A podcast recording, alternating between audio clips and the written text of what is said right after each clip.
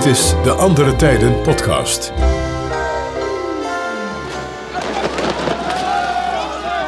Het was een teringzooi. Niet te geloven. Kerst en oud en nieuw staan voor gezelligheid en vrede op aarde. Maar in Den Haag is na de Tweede Wereldoorlog sprake van een hele andere traditie: kerstbomen stelen om op oudjaarsavond in brand te steken. En zo is jaren sprake van een ware kerstbomenoorlog. Rellen met de politie, veel schade en veel gewonden. In deze Andere Tijden podcast kijken we hoe de overheid deze Haagse traditie probeert te reguleren.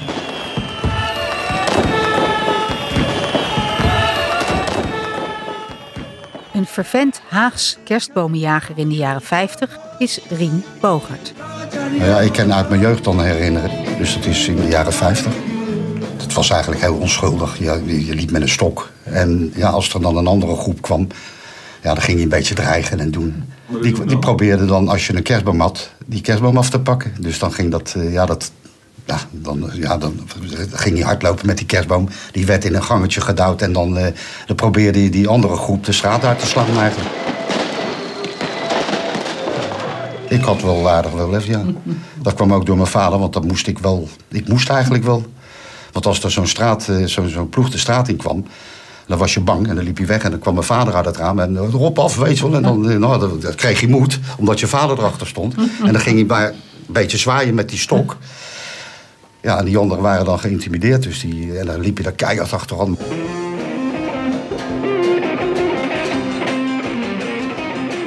Ik was er eigenlijk dag en nacht mee bezig, met die bomentoestanden. Ik ging s'morgens dan op mijn fiets. Dan wist ik in welk wijk de asman kwam. En dan sleurde ik die bomen allemaal van die, bij die asbakken vandaan. En bij mij in het gangetje. En dan ging mijn moeder eh, boodschappen doen. Maar die bomen lagen er al. Maar ja, die, die, zij wist toen nog niet dat ik die bomen natuurlijk door de, keu, de trap op en de keuken in. Raam open, platje. en van het platje in de tuin naar de buren. Want dat mocht dan van de, buur, van de buurvrouw. Maar niet door hun huis heen. En in december met de hele buurt op jacht om kerstbomen te razen. De traditie van kerstbomenjacht lijkt in de jaren 50 nog schilderachtig. Maar in de jaren 60 wordt de sfeer grimmiger. Het geweld wordt grootschalig, niet meer van straat tegen straat, maar van wijk tegen wijk. In de jaren 80 is Den Haag de laatste dagen van het jaar verworden tot een compleet slagveld.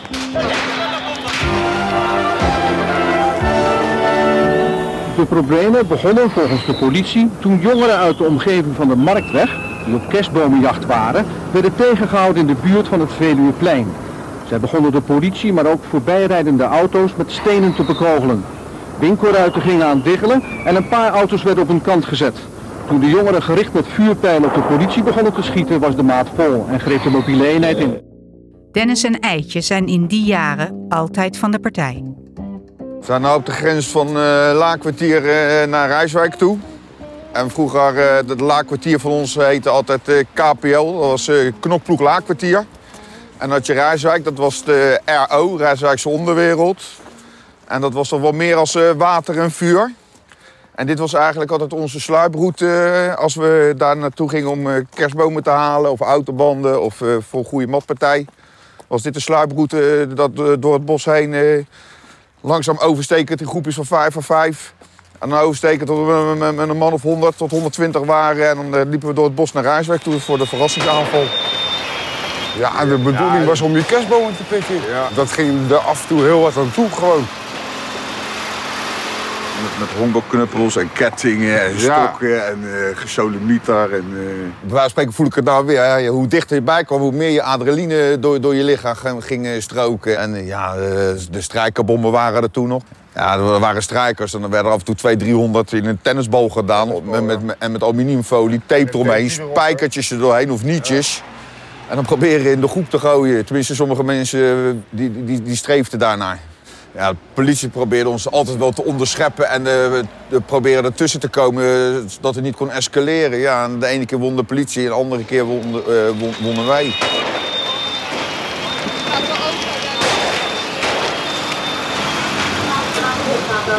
Maar we gaan weer het spelletje spelen op een bekende punt over. Oud-rechercheur van de jeugdpolitie Den Haag, Ellie van der Meer, zet zich in voor verandering van deze verziekte sfeer rond oud en nieuw. We zijn in Den Haag, in de Schilderswijk. En dat was eigenlijk het gebied waar in de jaren 80 wij aan de slag zijn gegaan om oud en nieuw wat gezelliger te maken dan dat het tot dan toe verliep. Uh, die, ze zijn natuurlijk wekenlang en echt soms maandenlang al van tevoren uh, bezig met het verzamelen van autobanden uit de verre omgeving, uh, die dan bij boerderijen werden weggehaald en dergelijke. Dat wordt hier allemaal opgeslagen. En inderdaad in het geheim natuurlijk uh, voorheen. Dus het moest bewaakt worden, noem maar op. Dus dat, er bouwt zich een soort spanning uh, op hier uh, die enorm is in de richting van de avond zelf. Nou, dan is daar uiteindelijk het vuur. Wat dan ook nog opgebouwd moet worden natuurlijk. Ook een beetje dat het flink groot is en, en gaat fikken. Ja, hier op dit pleintje. Plein, ja. Nou, en, en je, wil, je wil niet weten hoe groot het was. En dan, ja, met, met ladders werden, werd het tegen elkaar uh, om naar boven te krijgen. Hoe hoger, hoe beter. Ja, ik, ik, ik, durf, ik durf niet te schatten, maar die lage stapels kwamen tot aan het dak. En uh, al, al die hoekhuizen hier zo, werd of afgetimmerd of die ramen klapten eruit. En op het moment dat dat vuur er dan is en dat, dat, dat brandt een beetje... En, en je bent een uur, anderhalf uur verder... en er zit bij een aantal voldoende drank in... ja, dan, dan vonden ze het hier toch wel uh, nodig om wat winkelruiten in te slaan... En, en gewoon te plunderen. Dat is wat er gebeurde.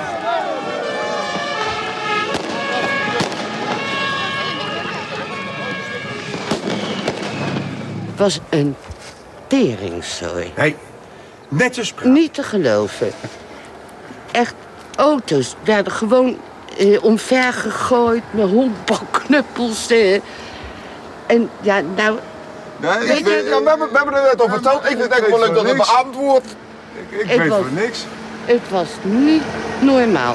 De nee. ramen uit, uh, op de hoek gingen er allemaal uit. De, de, de gedachte was dat een grote vuurstapel en het knokken was de nummer twee. En ja, er werd altijd geknokt. En, maar het maakt ook niet uit in welke buurt of welke straat je was in Den Haag. Het was altijd zo, overal.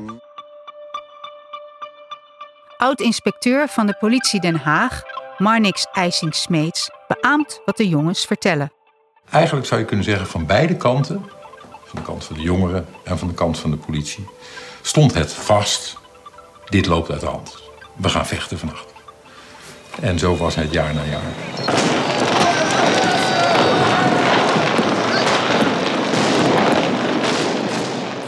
Een traditie waar de jongeren uh, allemaal naar uitkeken en enorm de boel opbouwden van tevoren. En heel eerlijk gezegd, denk ik dat een aantal politiemensen er eigenlijk ook wel naar uitkeken. Sommigen niet, zeker de ouderen, die hadden er helemaal geen trek in. Maar de jongeren, die vonden het misschien al best spannend. En ja, daar was ik er ook eentje van. Ja, hier liepen we allemaal. Hier werden ook de spijkermatten neergelegd. Matjes pikken bij de buren, spijkers aan de onderkant inhouden. Die werden hier zo in de straatjes neergelegd voor de politie. Nou, dan stonden ze met vier lekker banden. Hè? Die spijkermatten, ach, ach, ermee gelachen ook zeg. Die traditie werd erger en erger. En in het laatste jaar dat die nog zo er was, had je 3 tot 4 miljoen gulden schade. En we hadden, en dat was, dacht ik ook van, dit kan gewoon niet meer, uh, 35 gewonden redelijk gelijk verdeeld, uh, zo uit mijn hoofd, uh, redelijk gelijk verdeeld over, over burgers en politiemensen. En het hele oude concept van oud en nieuw is een feest is volstrekt naar de achtergrond verdwenen. Dat, dat realiseert niemand zich meer. Dus dat moet terug. Er komt een nieuwe strategie. De politie betrekt voortaan de jongeren uit verschillende buurten erbij om samen het feest te organiseren. Als er initiatieven in de buurt waren, dus gezamenlijke initiatieven om een festiviteit te organiseren, dan kon men daar een plan voor indienen. En daar werd dan al dan niet uh, uh, ja tegen gezegd en geld voor gegeven. Als je weet dat uh, er toch brandstapels worden gemaakt, waar, en je weet ook dat die altijd de straat beschadigen, waarom ga je dan niet in de aanloop te, naar oud en nieuw met de jongeren overleggen? Van jongens, kijk, je mag een brandstapel maken, maar zullen we dan samen de plek afspreken en daar leggen we een dikke laag zand neer. Op bepaald moment hebben we gezegd van nou, we leveren een we leveren een bijdrage aan het vuur met wat hout. Wat extra hout. Dan hoef je niet, laat die banden er nou af. Want dat was natuurlijk ook in die tijd al een enorme milieuschade hier. Dat was gitzwarte rook hoor. Dat, dat was zo mooi. En dan die vlammen met dat. Hè, dat kijk, Tegenwoordig is het hout en kerstbomen, maar die autobanden hielden natuurlijk je, je, je fik brandende. Ja toch? Dat rubber, dat, uh, ja, dat, dat brandde als een tierenlier. Geen autobanden meer dus, maar keurig door de gemeente aangeleverd hout voor het eindjaarsvuur. Alle preventie is erg mooi. Maar voor diegenen die dan toch nog eh, uit de boom springen, moet je bikkelhard zijn. Als je weet dat mensen altijd ongein maken rond oud ze zijn bijvoorbeeld het jaar daarvoor veroordeeld. Weet je wat we dan aan de rechter gaan vragen? Om als bijkomende straf voortaan op te, uh, op te leggen. Dat is het volgende oud en nieuw. Binnen moeten blijven.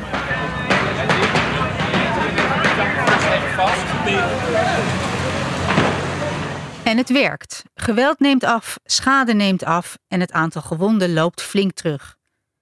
De jongeren van toen worden volwassen en krijgen kinderen. Zoals Dennis, die inmiddels zelf een zoon heeft. Ik ben er wel alles aan bewerkstelligen. Dat als mijn zoon dadelijk ook eh, nog een jaar of... Hij is pas nu zeven. Maar als hij dadelijk proeft wat het is om met een pallet of met een kerstboom door de wijk te sjouwen... Hè, en eh, om naar de vuurstapel te brengen om een groot vuur... Nou, daar zet ik me nu helemaal volledig eh, voor in... met nog zeven, acht vrijwilligers en politie en de stadsdeelkantoor... en gesprek met burgemeester en wethouders.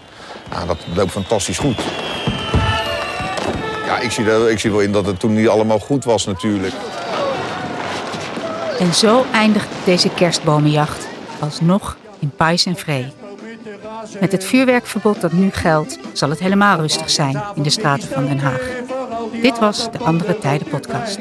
Tot de volgende. Oh, oh, Den Haag, mooie stad, achter de